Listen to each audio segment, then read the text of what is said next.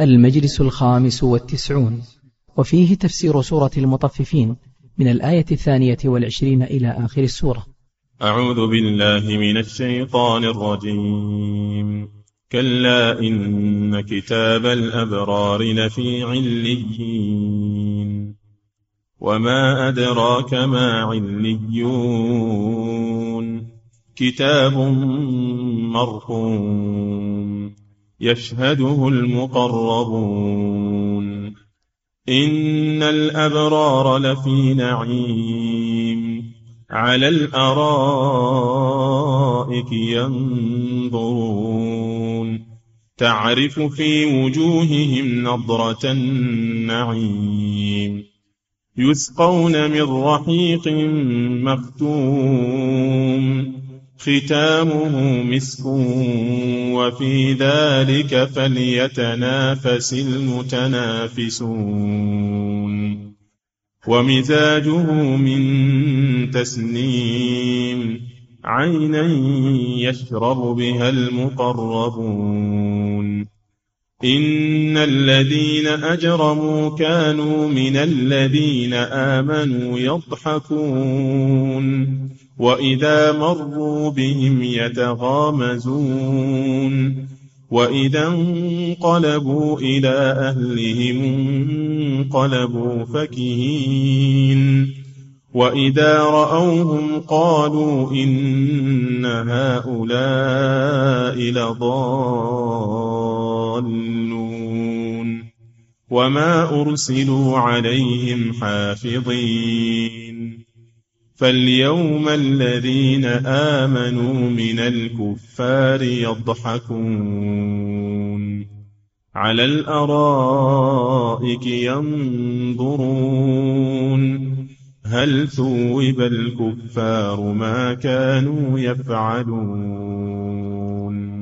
بسم الله الرحمن الرحيم. الحمد لله رب العالمين. صلى الله وسلم على نبينا محمد وعلى آله وأصحابه أجمعين. لما ذكر الله سبحانه وتعالى كتاب الفجار أي كتاب أعمالهم وما سطر في صحائفهم من السيئات والأعمال القبيحة وأن هذا الكتاب يكون في سجين في أسفل شيء تحت الأرض السابعة في ضيق والعياذ بالله. أو أن الكفار أنفسهم أموات الكفار يكونون في سجين. أسفل شيء وأضيق شيء. هذا مكانهم بعد الموت. ثم يبعثون إلى ما هو أشد منه يوم القيامة. وسجين من السجن وهو الضيق مكان الضيق وهو صيغة مبالغة يعني يضيق شيء. في سجين. كلا إن كتاب الفجار لفي سجين. ثم حوله فخمه بصفة مفزعة وما أدراك ما سجين. لا يعلم لا يعلم هذا المكان وما فيه من الضيق والشرور والنار إلا الله. فلا أحد يدري عن ذلك. كتاب مرقوم أي كتاب أعمالهم مرقوم يعني مكتوب. وقيل مرقوم يعني مختوم لا يزاد فيه ولا ينقص ولا يغير. ولا أحد يملك أن يغير هذا الكتاب وأن يمزقه أن يستريح منه بل هو كتاب ملازم لصاحبه يكون في عنقه. وكل, وكل إنسان ألزمناه طائره أي عمله في عنقه ونخرج له يوم القيامة كتابا يلقاه منشورا. إن الفجار كلا إن كتاب الفجار لفي سجين. وما أدراك ما سجين؟ كتاب مرقوم ويل يومئذ للمكذبين. وويل كلمة عذاب. لا يعلم شدته إلا الله. فهو وعيد من الله لهم. ويل يومئذ للمكذبين. يكذبون بأي شيء؟ يكذبون الرسل يكذبون الكتب يكذبون بالدين الشريعة. ويل يومئذ للمكذبين. لم يبين ما ما الذي كذبوا به لأنه عام. كذبوا بكل شيء. لم يصدقوا في شيء والعياذ بالله. ويل يومئذ للمكذبين. الذين يكذبون يعني من جملة تكذيبهم يكذبون بيوم الدين يوم الحساب لم يستعدوا له لأنهم لا يؤمنون به ويقولون ليس هناك بعث. إنما هي حياتنا الدنيا. الذين يكذبون بيوم الدين يعني يوم الجزاء والحساب. وما يكذب به بيوم الدين إلا كل معتد تعد لحدود الله شرع الله أثيم شديد الإثم.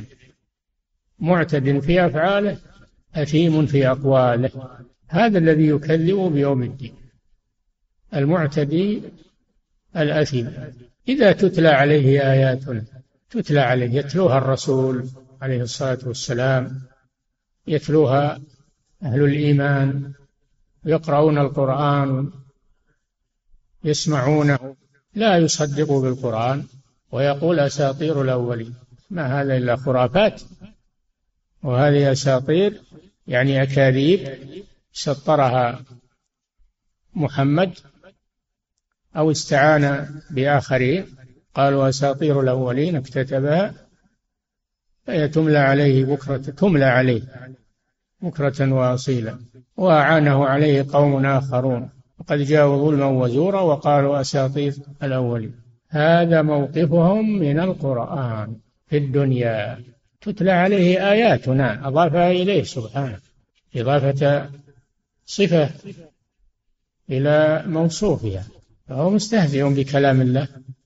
مستهزئ بكلام الله. مستهزئ بالله عز وجل. مستهزئ بالمتكلم. قالوا أساطير الأولين. إذا تتلى عليه آياتنا القرآنية قال أساطير أي هذه الآيات هذه أساطير. ليست وحيا منزلا من الله ولم يتكلم الله بها. بل عندهم أن الله لا يتكلم. كما عليه الجهمية والمعتزلة. إنما الكلام هذا من كلام جبريل أو من كلام محمد لأن الله عندهم لا يتكلم. إذا هو مثل الصنم الصنم لا يتكلم. الصنم لا يتكلم. ولهذا قال إبراهيم عليه السلام لأبيه يا أبت لم تعبد ما لا يسمع ولا يبصر ولا يغني عنك شيئا؟ وقال لهم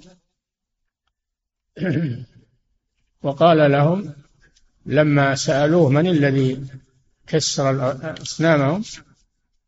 قال لهم كبيرهم هذا الذي كسرها كبيرهم كبير الأصنام.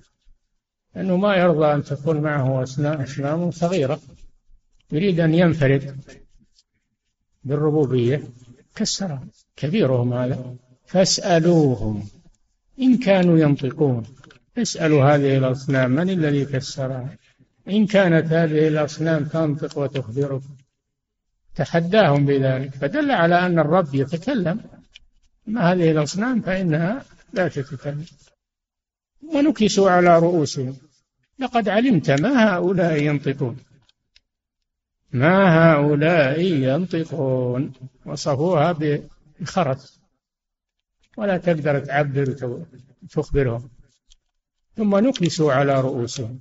نسأل الله العافية. لقد علمت ما هؤلاء ينطقون قال فتعبدون من دون الله ما لا ينفعكم شيئا ولا يضركم؟ أف لكم. ولما تعبدون من دون الله؟ أفلا تعقلون؟ ولما اتخذ بنو إسرائيل العجل الذي صاغه السامري من الذهب على شكل عجل على شكل عجل من ذهب. قال هذا إلهكم وإله موسى. فعبدوا صدقوا السامري. قال الله جل وعلا أفلا يرون أن لا يرجع إليهم قولا؟ أفلا يرون أن لا يرجع إليهم قولا؟ يعني لا يكلمهم ولا يجيبهم ولا يملك لهم ضرا ولا نفعا. ألم يروا أنه لا يكلمهم ولا يهديهم سبيلا؟ اتخذوه وكانوا ظالمين. فألم يروا أنه لا يكلمهم الرب يتكلم. الجهمية يقولون لا ما يتكلم. نسأل الله العافية. ولا أهل الجاهلية يقولون هذه أساطير الأولين وليست كلام الله عز وجل. إذا ما الفرق بين الجهمية وبين أبي جهل وأبي لهب أساطين الكفرة؟ ثم يقال هذا الذي كنتم به تكذبون. ثم إنهم لصالوا الجحيم. ثم يقال لهم تبكيتا لهم. توبيخا لهم. هذا الذي كنتم هذا الجحيم هذه النار التي كنتم بها تكذبون في الدنيا عاينوها الآن وادخلوها. هذا الذي كنتم به تكذبون في الدنيا. ثم ذكر سبحانه وتعالى كتاب الأبرار. والأبرار ضد الفجار الذين يعملون البر. والبر هو الطاعات تقوى الله سبحانه وتعالى. والبر ضد الفجور.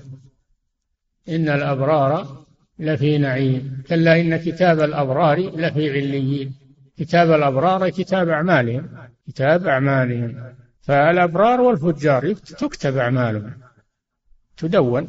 وين يكون كتاب الأبرار وين يودع فيه في عليين. السماء السابعة تحت العرش في أعلى شيء. وأما كتاب الفجار فهو في أسفل سافلين. نسأل الله العافية. لفي عليين. وما أدراك تفخيم لهم ما عليون؟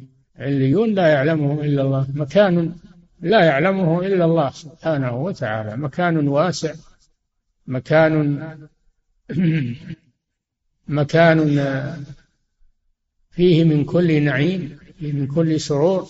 لفي عليين. وما أدراك ما عليين كتاب أي كتاب الأبرار مرقوم. مرقوم مكتوب.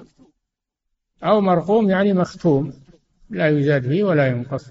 يشهده المقربون يحضره الملائكة الكرام يحضرونه وهو, عندهم في أعلى شيء يشهده المقربون. ثم قال إن الأبرار لفي نعيم. إن الأبرار لفي نعيم. نعيم لا يعلمه إلا الله بخلاف الفجار هم في سجين في الآية الأخرى وإن الفجار لفي جحيم إن الأبرار لفي نعيم لا يعلمه إلا الله سبحانه وتعالى. نعيم في الآخرة ورفعة في الآخرة ونعيم في الدنيا. الأبرار في نعيم في الدنيا راحة النفوس ولذة القلوب وطمأنينة النفس. خلاف أولئك فهم في وحشة في دنياهم وفي قلق حتى إنهم ينتحرون. أما المؤمن فهو مسرور في إيمانه وفي دنياه. إن أصابته ضراء صبر عليها وانتظر الفرج. وإن أصابته سراء شكر الله عز وجل فهو في نعيم. في نعيم في الدنيا وفي نعيم أقوى منه وأشد في الآخرة. أما أولئك فهم في شقاء في الدنيا وفي عذاب في الآخرة. فإن له معيشة ضنكا ونحشره يوم القيامة أعمى. نسأل الله العافية. إن الأبرار توكيد من الله. إن كلمة توكيد. بل هي موطئة لقسم مقدر. والله إن الأبرار لفي نعيم. لأن اللام هذه لام القسم. إن الأبرار لفي نعيم. اللام لام القسم. ففيه قسم مقدر. أي والله إن الأبرار لفي نعيم لفي نعيم. فسره بقوله على الأرائك أي المجالس المرتفعة جمع أريكة وهي المجلس المرتفع. ولا يعلم هذه الأرائك إلا الله. ليست مثل أرائك الناس في هذه الدنيا الكنبات اللي يقولون في الدنيا. لا هذه أرائك لا يعلمها إلا الله الذي خلقها سبحانه وتعالى. على الأرائك ينظرون ينظرون إلى أي شيء؟ إلى الله جل وعلا. ينظرون إلى ربهم تقر أعينهم برؤيته يتنعمون بها لأنهم آمنوا به في الدنيا فتجلى لهم في الآخرة ليروه عيانا بأبصارهم تلذذون بذلك. أما الكفار فهم كفروا به في الدنيا وجحدوه فالله احتجب عنهم في الآخرة ثم إنهم عن ربهم يومئذ لمحجوبون. وهذا أعظم عذاب عليهم ونكال وإهانة. على الأرائك ينظرون ينظرون إلى الله وكذلك ينظرون إلى النعيم الذي حولهم وإلى ملكهم في الجنة وينظرون إلى أعدائهم يعذبون. هم ينظرون إلى هذه الأشياء إلى الله إلى ما لهم من النعيم. إلى أعدائهم كيف يصنع بهم. الذين آذوهم في الدنيا وضايقوهم ماذا يصنع بهم؟ تعرف في وجوههم في وجوه الأبرار. إذا رأيتهم عرفت أنهم أبرار من صفاتهم وما يظهر على وجوههم من النور والمسرة والانبساط. خلاف الكافر ووجوه يومئذ عليها غبرة ترهقها قترة. أولئك هم الكفرة الفجر أما وجوه المؤمنين فهي مضيئة مستنيرة. تعرف في وجوههم نظرة النعيم نظرة بالضاد هي البهجة. تظهر عليهم البهجة والسرور لأن الفرح يظهر على الوجه والحزن يظهر على الوجه أيضا. الوجه هو الصفحة التي تظهر عليها حالة الإنسان من خير أو شر. ومن سرور أو غم تظهر على وجهه. تعرف في وجوههم نظرة النعيم. ثم ذكر شرابهم. يسقون من رحيق. الرحيق هو الشراب المنتهي في الحلاوة والطعم. وهو الخمر. خمر الآخرة. ما هو مثل خمر الدنيا؟ قبيح منتن مر يغيب العقل. لا. خمر الآخرة مسلوبة عنه كل آفات خمر الدنيا. لا يصدعون عنها أي لا يصيبهم صداع مثل ما يصيب شارب الخمر الدنيا يوجع رأسه. ولا هم عنها ينزف ولا ينزفون. لا يصدعون عنها ولا ينزفون. أي لا تنزف أموالهم في الخمر كما الخمارة في الدنيا تذهب أموالهم. هذه أعطاهم الله إياها بدون ثمن. يسقون بالرحيق. مختوم. هذا الرحيق مختوم. ختامه إيش؟ ختامه مسك. أطيب رائحة. هو رحيق وأيضا مختوم بالمسك. تطيب رائحته. فيلذ طعمه وتطيب رائحته. ختامه مسك. وقيل ختامه يعني آخر آخره مسك. آخره مسك. ختامه مسك. وفي ذلك في ذلك النعيم. وهذا الشراب فليتنافس المتنافسون. أمر من الله جل وعلا أنه يجب أن يتسابق المتسابقون إلى هذا الشراب وهذا النعيم بالأعمال الصالحة لينالوه في الآخرة. هذا هو السابق الذي يحوز على هذا هذه الأرائك وهذا النعيم وهذا الشراب. هذا هو الفائز. ليس الفائز الذي ضيع دنياه وآخرته انشغل باللهو واللعب والملذات العاجلة ترك العمل الصالح. هذا هو الذي ينبغي أن يتسابق إليه المتسابقون ولا يتسابق على الدنيا الفانية.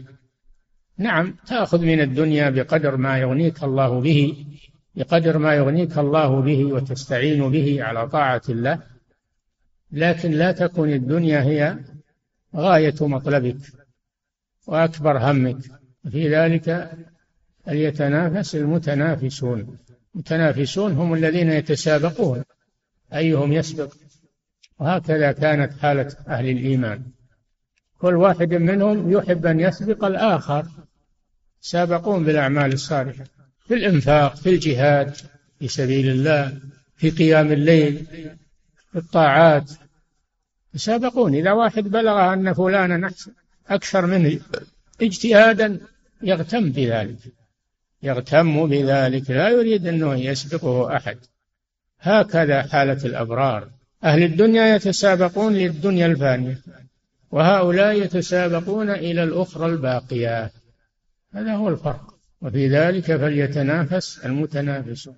ومزاجه أي هذا الرحيق المختوم مزاجه أن يخلط من تسنيم عين عين مرتفعة من التسنيم وهو الارتفاع تصب من أعلى الجنة ومزاجه من تسنيم.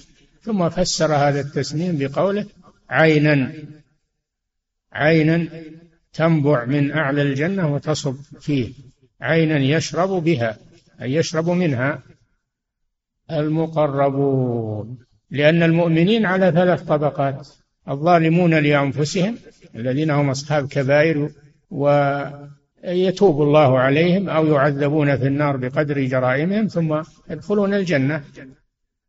هؤلاء الظالمون لأنفسهم. لكنهم من المؤمنين ليسوا كفارا بالكبائر التي دون الشرك.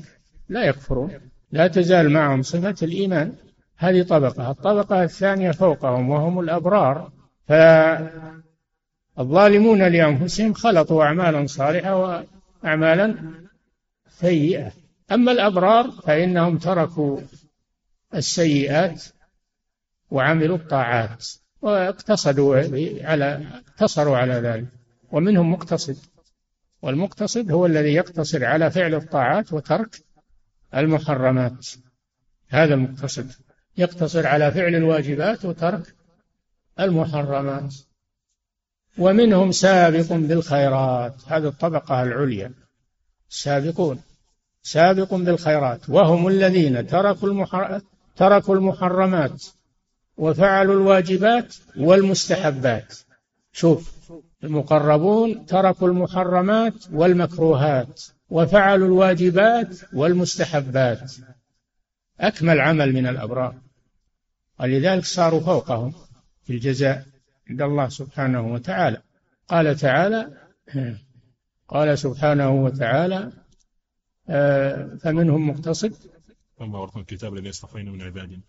ومنهم ظالم لنفسه فمنهم ظالم لنفسه وجنات عدن يدخلونها فمنهم ظالم لنفسه فمنهم ظالم لنفسه هذه الطبقة الأقل. ومنهم مقتصد ومنهم سابق. جنات عدن يدخلونها. جنات عدن كلهم يدخلون الجنة.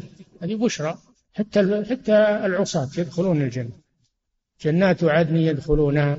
حلون فيها من أساور من ذهب ولؤلؤا ولباسهم. فيها حرير. ثم أورثنا الكتاب الذين اصطفينا من عبادنا وهو القرآن. أورثناهم القرآن. آخر الكتب. فمنهم ظالم لنفسه مع هذا الكتاب ومنهم مقتصد في هذا الكتاب يأخذ الواجبات ويترك المحرمات ويكتفي بهذا ومنهم سابق بالخيرات بإذن الله. والسابق بالخيرات هو الذي فعل الواجبات والمستحبات وترك المحرمات والمكروهات وبعض المباحات من باب الاحتياط. ترك حتى بعض المباحات من باب الاحتياط. ذلك هو الفضل الكبير. جنات عدن يدخلونها. وعدهم الله بالجنة جميعا. الظالمون لأنفسهم والمقتصدون والسابقون بالخيرات. وهنا يقول يشرب بها المقربون. تسنيم. شراب المقربين من التسنيم. وهو أعلى الشراب. يشربونه خالصا صرفا. أما الأبرار فيشربونه مخلوطا. يشربونه مخلوطا مع غيره. يشربون الرحيق مخلوطا بالتسنيم. هذا شراب من؟ شراب الأبرار. المقربون يشربون التسنيم صرفا غير مخلوط بغيره. عينا يشرب بها المقربون. ثم ذكر الفجار والكفار لما انتهى من المسلمين والمؤمنين بطبقاتهم ومنازلهم ذكر الكفار والمجرمين.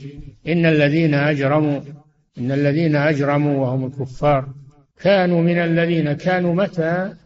في الدنيا. كانوا من الذين آمنوا يضحكون يتنقصونهم يتنقصونهم. هؤلاء مغفلون هؤلاء سطحيون هؤلاء يعيشون في القرون الوسطى هؤلاء ظلاميون وهؤلاء يلا خذ من الأوصاف الذميمة كما تعج به بعض الصحف الآن والفضائيات. سخرية بالمؤمنين سخرية بالمؤمنين وتنقص للمؤمنين. إن الذين أجرموا كانوا من الذين آمنوا في الدنيا يضحكون ويتنقصونهم ويتندرون بهم. لولا مطاوع لولا متشددين لولا آه، آه، سطحيون هؤلاء إلى آخر ما يقولون كما لا يخفاكم. كانوا من الذين آمنوا يضحكون. وإذا مروا بهم إذا مر المؤمنون بالفجار صاروا يضحكون عليهم. وإذا مروا بهم يتغامزون يتغامزون يغمزونهم بأبصارهم بألسنتهم بإشارات سخرية. إشارات سخرية. إذا مر بهم أولياء الله تغامزوا بينهم من باب السخرية بهم. أو قيل وإذا مروا بهم يعني مر الفجار بالمؤمنين. يتغامزون بالمؤمنين تنقصا لهم. يشير بعضهم إلى بعض بلسانه بيده بعينيه من باب السخرية. وإذا مروا بهم يتغامزون. وإذا انقلبوا إلى أهلهم انقلبوا إلى دورهم ومساكنهم وإلى أهليهم. إذا انقلبوا إلى أهلهم انقلبوا فكهين. فكهين بما نالوا من المؤمنين يتحدثون به.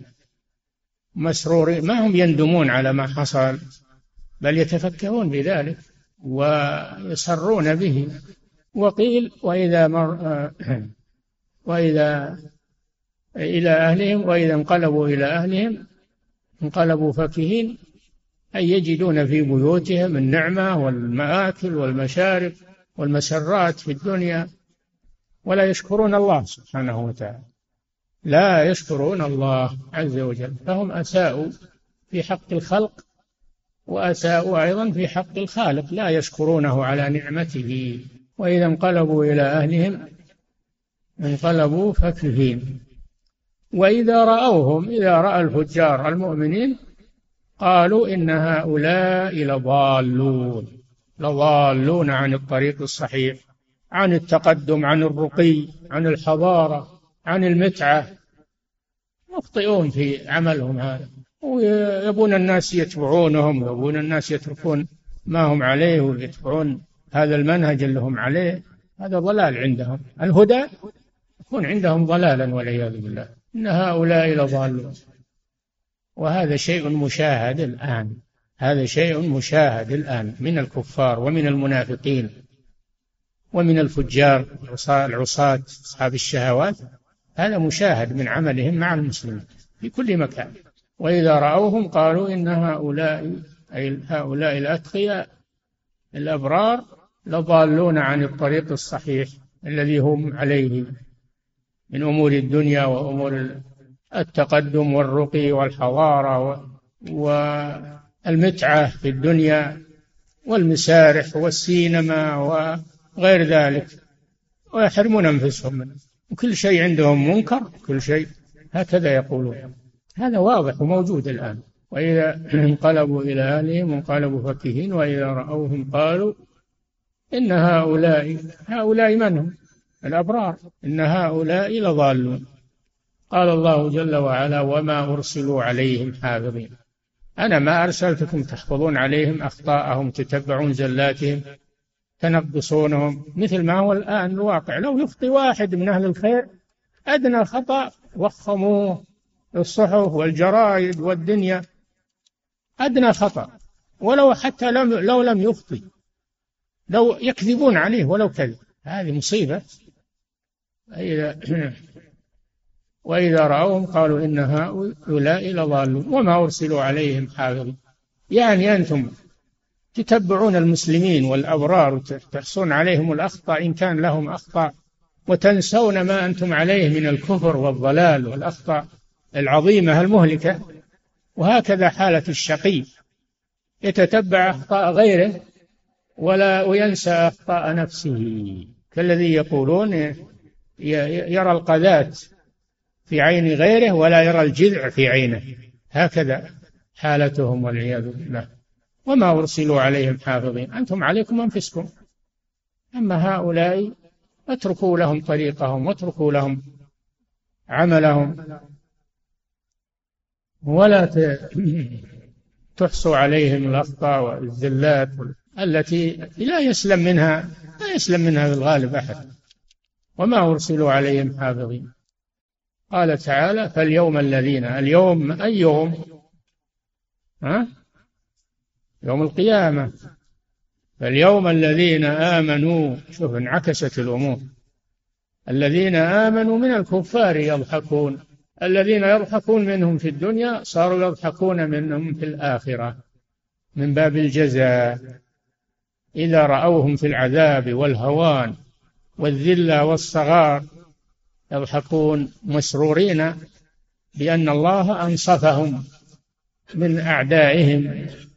أنصفهم من أعدائهم. فاليوم الذين آمنوا من الكفار يضحكون. وين يضحكون فيه؟ على الأرائك. على الأرائك. المجالس الرفيعة. يشرفون على الكفار في جهنم وهم يعذبون والعياذ بالله. لأجل تقر أعينهم بعدل الله سبحانه وإنصافه لهم. اليوم الذين آمنوا من الكفار يضحكون على الأرائك. ينظرون ينظرون إلى أي شيء؟ ينظرون إلى أعدائهم وهم يعذبون ويهانون. نسأل الله العافية. وينظرون إلى ما لهم من النعيم والسرور. وأعلى من ذلك ينظرون إلى وجه الله سبحانه وتعالى. ينظرون إلى وجه الله الكريم. وينظرون إلى ما هم فيه من النعيم. وينظرون إلى أعدائهم يعذبون في الجحيم نسأل الله العافية. ولهذا ما قال ينظرون إلى كذا بل أطلق. على الأرائك ينظرون. ينظرون كل شيء. على الأرائك ينظرون. قال تعالى هل هل ثوب الكفار؟ أي هل جوزي الكفار؟ بمعنى قد جوزي. بمعنى هذا استفهام تقرير. استفهام تقرير. هل هل ثوب يعني قد ثوب. ثوب أي جوزي الكفار. ما كانوا يعملون في الدنيا. ما كانوا يعملون في الدنيا. وانظروا إلى أنه في أول السورة قال ويل للمطففين الذين إذا اكتالوا على الناس يستوفون وإذا كالوهم أو وزنوهم يخسرون. فهم يتنقصون يتنقصون الناس في أموالهم البيع والشراء والغش والخداع. ويتنقصون الناس في مقاديرهم وأماكنهم. يبخسونهم. يبخسونهم أموالهم ويبخسونهم قدرهم ويتنقصونهم كما ذكر الله في آخر السورة. فهذا تطفيف في في, في الأمرين. تطفيف في الحقوق تطفيف في الأقدار والمنازل. لا ينزلون الناس منازلهم. نسأل الله العافية. الحاصل أن الكفار والمنافقون وأهل الشر مهما تطاولوا ومهما قالوا في المؤمنين فإن الأمر سينقلب عليهم سينقلب الأمر عليهم. المؤمنون صبروا في هذه الدنيا صبروا في هذه الدنيا على هذا الكفار وانتهى وانتهى أذاهم وانقطع. لكن الكفار صاروا إلى مصير ما ينقطع ولا يفنى والعياذ بالله. انظروا الفرق بين هذا وهذا. انظروا الفرق بين هذا وهذا. الحاصل أن الله صور لنا أحوال أهل الشقاوة مع أهل الإيمان في هذه الدنيا وأخبرنا عما يكون عليه الأمر في الآخرة وأن هذا سينعكس عليهم. فيصيرون هم الأذل هم يصيرون هم الأذلين يوم القيامة والمؤمنون هم الأعلون يوم القيامة.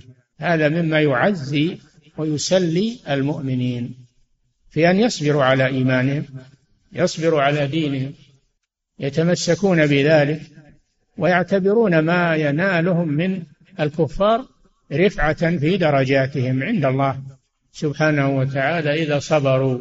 وثبتوا على دينهم ولم يتزعزعوا. نعم. والله تعالى أعلم وصلى الله وسلم على نبينا محمد على آله وأصحابه أجمعين. يقول فضيلة الشيخ وفقكم الله هل ويل هو واد في جهنم؟ وهل قولنا يا ويلك هذا دعاء على الإنسان بذلك؟ ويل كلمة وعيد. ويل كلمة وعيد. وهذا الوعيد فسر بأنه واد في جهنم وفسر بأنه كلمة عذاب وفسر بأنه دعاء بالويل. نعم. يقول فضيلة الشيخ وفقكم الله يقول هل يجوز أن يسمى الأولاد ببعض آيات قد وردت في القرآن أو كلمات وردت في القرآن كاسم تسنيم؟ لا بأس بذلك ما, ما فيه ما يمنع من ذلك ولكن الاسم اللي فيه تزكية الاسم اللي فيه تزكية ومبالغة في التزكية يكره نعم. يقول فضيلة الشيخ وفقكم الله. يقول من المعلوم أن المؤمنين بالجنة يتفاوتون في الفضل فكيف نجمع بين هذا وبين أن المؤمن يأتيه كل ما يتمناه في الجنة؟ فهل إذا تمنى درجة إذا تمنى درجة من هو أعلى منه يحصل له ذلك؟ لا. لا يحصل له ذلك لكن هو ما يرى أن أحدا أسعد منه. الله يلقي في نفسه الراحة والقناعة والنعيم حتى ما يرى أن أحدا أحسن منه. نعم. ما بينهم في الآخرة ما بينهم تغاب ولا تحاسد. كل مسرور بما هو فيه. نعم.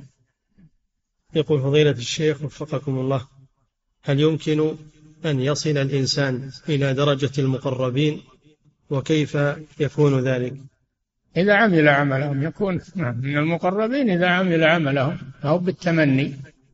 إذا عمل عملهم صار منهم مع الإخلاص لله. نعم. يقول فضيلة الشيخ وفقكم الله من يقع في بعض الذنوب هل يعد من المتقين الأبرار؟ أم ذلك وصف لمن لا يقع في ذنب؟ الذي يقع في الذنوب الصغائر الصغائر لها كفارات مكفرات. وأما الذي يقع في الكبائر هذا ينقص إيمانه ولكنه لا يخرج من الإيمان. وهو بين أمرين إما أن يعفو الله عنه وإما أن يعذبه بذنوبه ثم يخرج من النار. نعم. يقول فضيلة الشيخ وفقكم الله في قوله سبحانه وتعالى كلا إن كتاب الأبرار لفي عليين. الذي في أعلى درجات الجنة هل هو الكتاب أو صاحبه؟ الخبر عن عن. عن الكتاب. وإذا كان الكتاب في عليين فصاحبه في عليين. نعم. يقول فضيلة الشيخ وفقكم الله يقول هل في قوله سبحانه وتعالى فاليوم الذين آمنوا من الكفار يضحكون؟ دليل على جواز أن أقابل من تنقصني. بأن أتنقصه في الدنيا لأنه جاز في الجنة ذلك على سبيل المقابلة. إذا تنقصته في الدنيا أخذت حقك منه. إذا صبرت عليه فإن الله يجازيك يوم القيامة. نعم. يقول فضيلة الشيخ وفقكم الله في قوله سبحانه وتعالى يتغامزون. هل هو دليل على تحريم الغمز؟ الغمز بالسخرية. نعم. الغمز مذموم. لأنه لا يكون إلا عن سخرية نعم. الغمز والهمز ويل لكل همزة لمزة. يلمز ويغمز ويهمز. هذه صفات المنافقين. نعم. يقول فضيلة الشيخ وفقكم الله. يقول ذكرتم حفظكم الله أن أعلى شيء هو السماء السابعة. لا. ما قلت هذا. أعلى السماوات السماء السابعة أما أعلى شيء فهو عرش الرحمن هذا هو أعلى شيء. أعلى شيء هو أعلى المخلوقات العرش. نعم. يقول فضيلة الشيخ وفقكم الله يقول بما بما تنصحون المسلم الذي يتعرض لمثل هؤلاء الذين يسخرون منه ويصفونه بأشد وأقبح الأوصاف من تشدد وظلامية وغير ذلك. نوصيه بأن يتمسك بدينه ولا يلتفت إلى هذه إلى هؤلاء. يتمسك بدينه ويصبر. يتمسك بدينه ويصبر على أذاهم. هذا شيء حصل للرسول صلى الله عليه وسلم. أشرف الخلق وأفضل الخلق. تنقصوه ووصفوه بالأوصاف. وقالوا في حقه صلى الله عليه وسلم ما قالوا. نعم. فكيف بمن دون الرسول صلى الله عليه وسلم؟ نعم. يقول فضيلة الشيخ وفقكم الله. الكفار والمنافقون لن يرضوا عنك أبدا. لن يرضوا عنك إلا إذا صرت مثلهم. أما إذا خالفتهم فلن يرضوا عنك. هذه خذها قائمة هذا يهمونك. نعم. يقول فضيلة الشيخ وفقكم الله في قوله سبحانه وتعالى وجعل القمر فيهن نورا هل هناك قمر في كل سماء من السماوات السبع؟ ما ورد هذا. نحط قمر ما جاء له ذكر. القمر واحد. القمر واحد. وهل هو داخل السماوات أو هو دون السماوات؟ الراجح والله أعلم أنه تحت السماوات تحت السماء الدنيا. نعم. يقول فضيلة الشيخ وفقكم الله يقول ما تفسير قوله سبحانه إن الله لا يستحي أن يضرب مثلا ما بعوضة فما فوقها. نعم الكفار يسخرون من القرآن يقولون الله يضرب المثل بالبعوضة يضرب المثل بالعنكبوت ويضرب المثل بالنملة. هذا ما يليق بالله عز وجل. الله جل وعلا قال إن الله لا يستحيي أن يضرب مثلا ما بعوضة فما فوقها. وهو لا يضرب المثل إلا ما يضرب المثل إلا لبيان الحق وبيان الباطل. ما يضرب المثل عبثا. نعم. يقول فضيلة الشيخ وفقكم الله يقول ما المراد بقول الله عز وجل في يوم كان مقداره خمسين ألف سنة وقوله عز وجل في يوم كان مقداره ألف سنة مما تعدون؟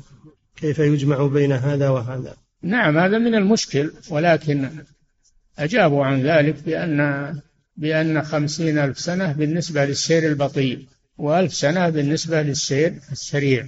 تفاوت المدة هو بالنسبة لنوعية السير. والله أعلم. نعم. يقول فضيلة الشيخ وفقكم الله. يقول سمعت بعض طلبة العلم يقول إن كل نبي سمعت بعض طلبة العلم يقول إن كل نبي قد أنزل عليه كتاب. فلما سألته عن الدليل قال ليس لدي دليل ولكن على الأصل أن النبي ينزل معه كتاب. الكتاب ينزل على الرسول. أما النبي فإنه يتبع من قبله من الرسل ويحكم بالكتاب الذي قبله مثل أنبياء بني إسرائيل يحكمون بالتوراة التي أنزلت على موسى عليه السلام. يحكم بها النبيون. شوف توراة إنا أنزلنا التوراة فيها هدى ونور يحكم بها من؟ النبيون.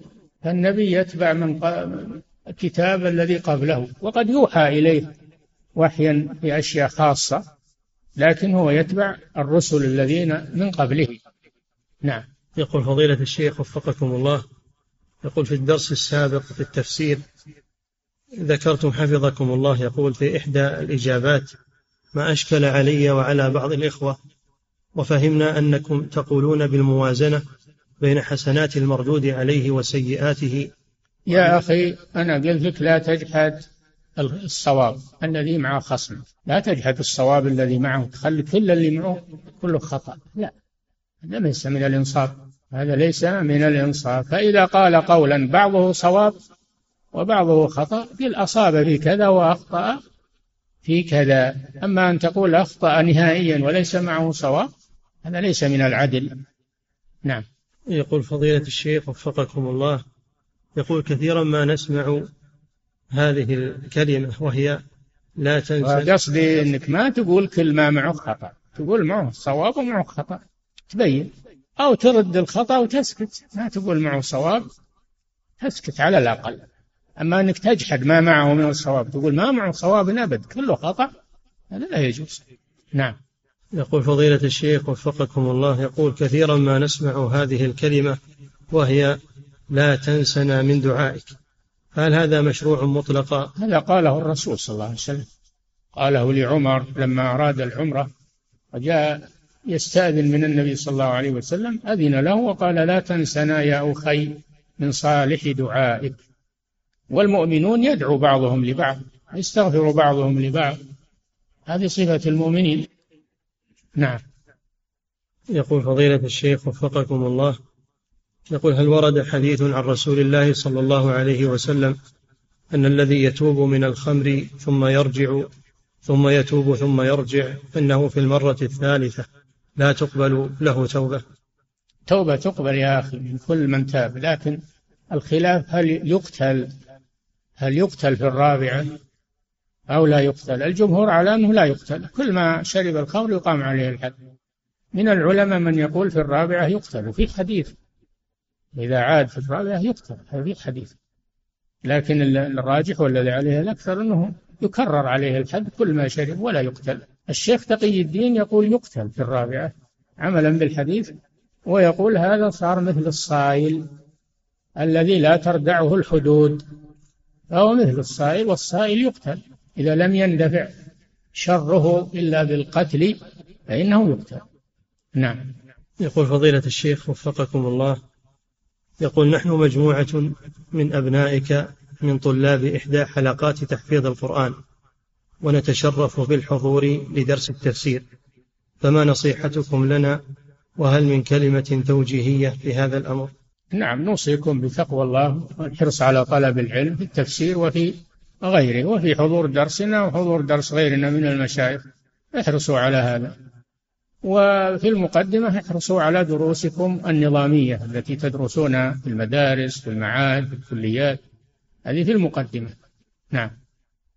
يقول فضيلة الشيخ وفقكم الله يقول أشكل علي الخلاف الحاصل بين العلماء في كفر تارك الصلاة وعدمه مع الإجماع على كفره عند الصحابة كما ذكر ذلك عبد الله بن شقيق. نعم الصحابة مجمعون على أن من ترك الصلاة تهاونا فإنه يكفر وإنما الخلاف جاء بعدهم. الخلاف جاء بعدهم والصواب والراجح أنه يكفر الكفر الأكبر. وعلى كل حال يكفر لكن هل كفره كفر أصغر أو كفر أكبر؟ الراجح أنه كفر أكبر. نعم. يقول فضيلة الشيخ وفقكم الله يقول لم أجد أحدا أتتلمذ عليه في اللغة العربية سوى رجل قد حذر منه بعض طلبة العلم الكبار من عقيدته لأن اللغة يقولون عقيدة فلتأخذ اللغة عن أهل السلف أضمن وأضبط. ولو تأخرت في طلب العلم كثيرا لأن أكثر هؤلاء يقول أشعري فهل أطلب علم اللغة عند هذا الرجل أم لا؟ مع العلة وفقكم الله. يا أخي اللي يدرسون اللغة كثيرون والحمد لله. يدرسون النحو كثيرون. فاطلب من يدرس النحو وهو صاحب عقيدة سليمة. وستجد إن شاء الله. نعم. يقول فضيلة الشيخ وفقكم الله. يقول صليت مع إمام وقرأ في الركعة الثالثة سورة الفاتحة متعجلا بقدر لم أقدر, لم أقدر أن أقرأها فيه. فلما انتهى من الصلاة قمت وجئت بركعة أخرى ثم سلمت. هذا غلط. هذا غلط. تكفي قراءة الإمام. إذا لم تتمكن فأنت معذور يا أخي. إذا لم تتمكن من قراءة الفاتحة خلف الإمام فأنت معذور. وتسقط عنك قراءتها وتكفي قراءة الإمام. والحمد لله. نعم. نعود فنؤكد على قضية ما مع المخالف من الحق أو من الصواب. فنقول أنت بين ثلاث حالات. انتبهوا بين ثلاث حالات. إما أن تقول ليس معه حق أبدا وكل ما معه خطأ هذا لا يجوز. الحالة الثانية أن تقول أصاب في كذا وأخطأ في كذا وهذا هو العدل.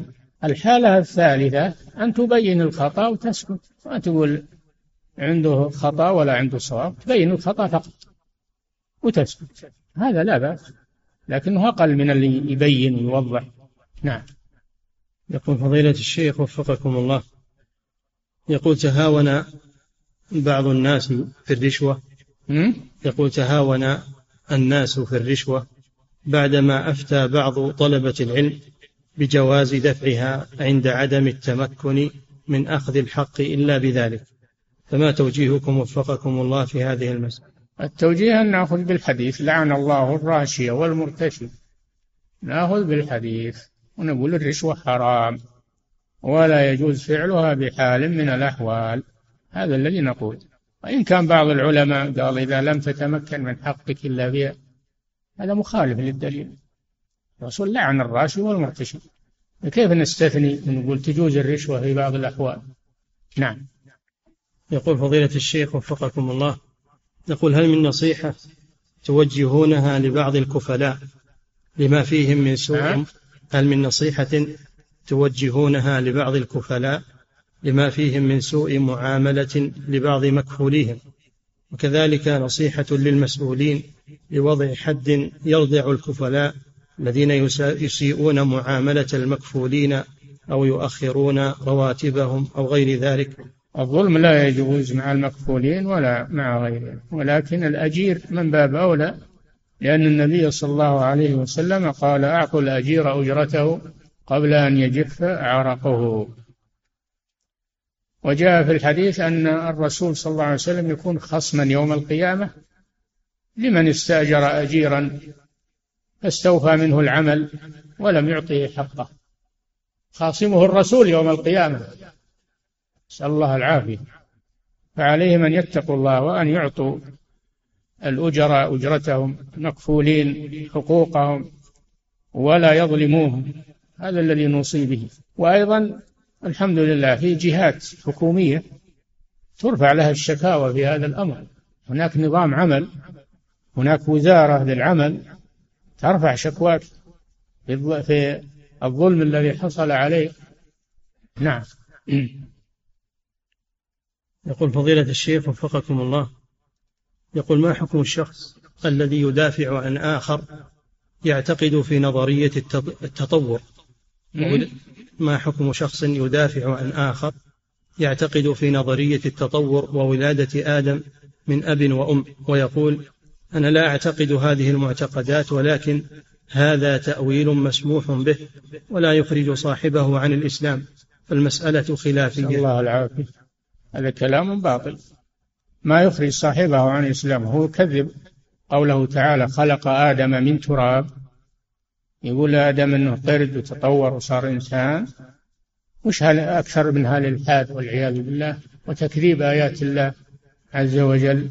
هذا هو الإلحاد. والذي يدافع عنه يأخذ حكمه. لأنه رضي بفعله وبرر فعله. فصار مثله في الحكم. نسأل الله العافية.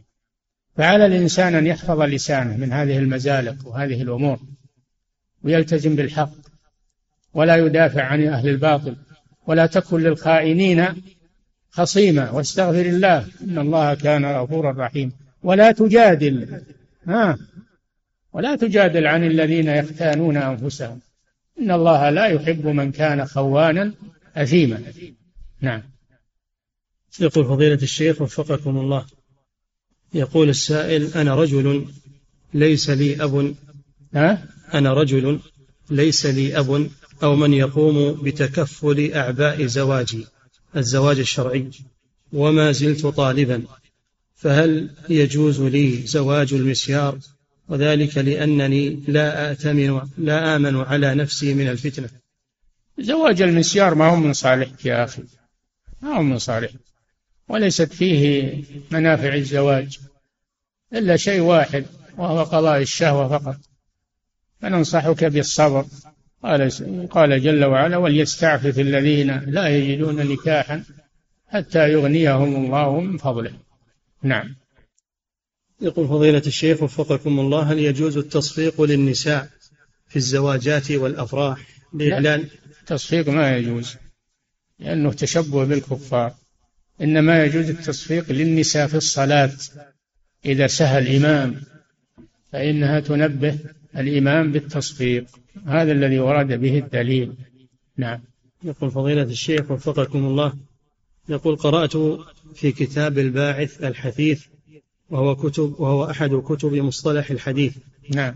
أن من كذب على النبي صلى الله عليه وسلم متعمدا ذلك أنه كافر. فهل هذا على إطلاقه؟ نعم. واضح هذا. هذا واضح. الذي يكذب على الله أو يكذب على رسوله متعمدا فإنه يكفر. ما بعد هذا الكفر شيء. يكذب على الرسول متعمدا. والرسول مبلغ عن الله أو يكذب على الرسول؟ ويلزم من هذا أنه يكذب على الله أيضا لأنه للرسول مبلغ عن الله عز وجل. ومن أظلم ممن كذب على الله أظلم الناس من كذب على الله وكذب بالصدق. والرسول صلى الله عليه وسلم قال من كذب علي متعمدا فليتبوى مقعده من النار. نعم. يقول فضيلة الشيخ وفقكم الله يقول دولتنا تصرف مبلغا من المال لأجل شراء كتب وذلك للطالب المبتعث. قد يتأخر صرف هذا المبلغ فهل يجوز لي شراء كتب من حسابي الخاص؟ ثم بعد ذلك إذا صرف المبلغ المختص بالكتب آخذه لنفسي في مقابل ما دفعته من حسابي سابقا نعم هذا حق لك. هذا حق لك. إذا أخذت قدر ما دفعت هذا حق لك. نعم. يقول فضيلة الشيخ وفقكم الله ورد عن النبي صلى الله عليه وسلم أنه قال من حلف فقال إن شاء الله فلا حنث عليه. السؤال متى تقال المشيئة؟ هل تقال قبل الحلف أم بعده؟ مع الحلف تقال مع الحلف. يقول والله إن شاء الله لا أفعلن كذا. والله إن شاء الله لا أتصدقن لا أصلين صلاة نافلة. أو أفعل كذا وكذا. هذا استثناء. هذا استثناء في اليمين. ينفعه ذلك. نعم. يقول فضيلة الشيخ وفقكم الله ما حكم زيارة القبور للنساء؟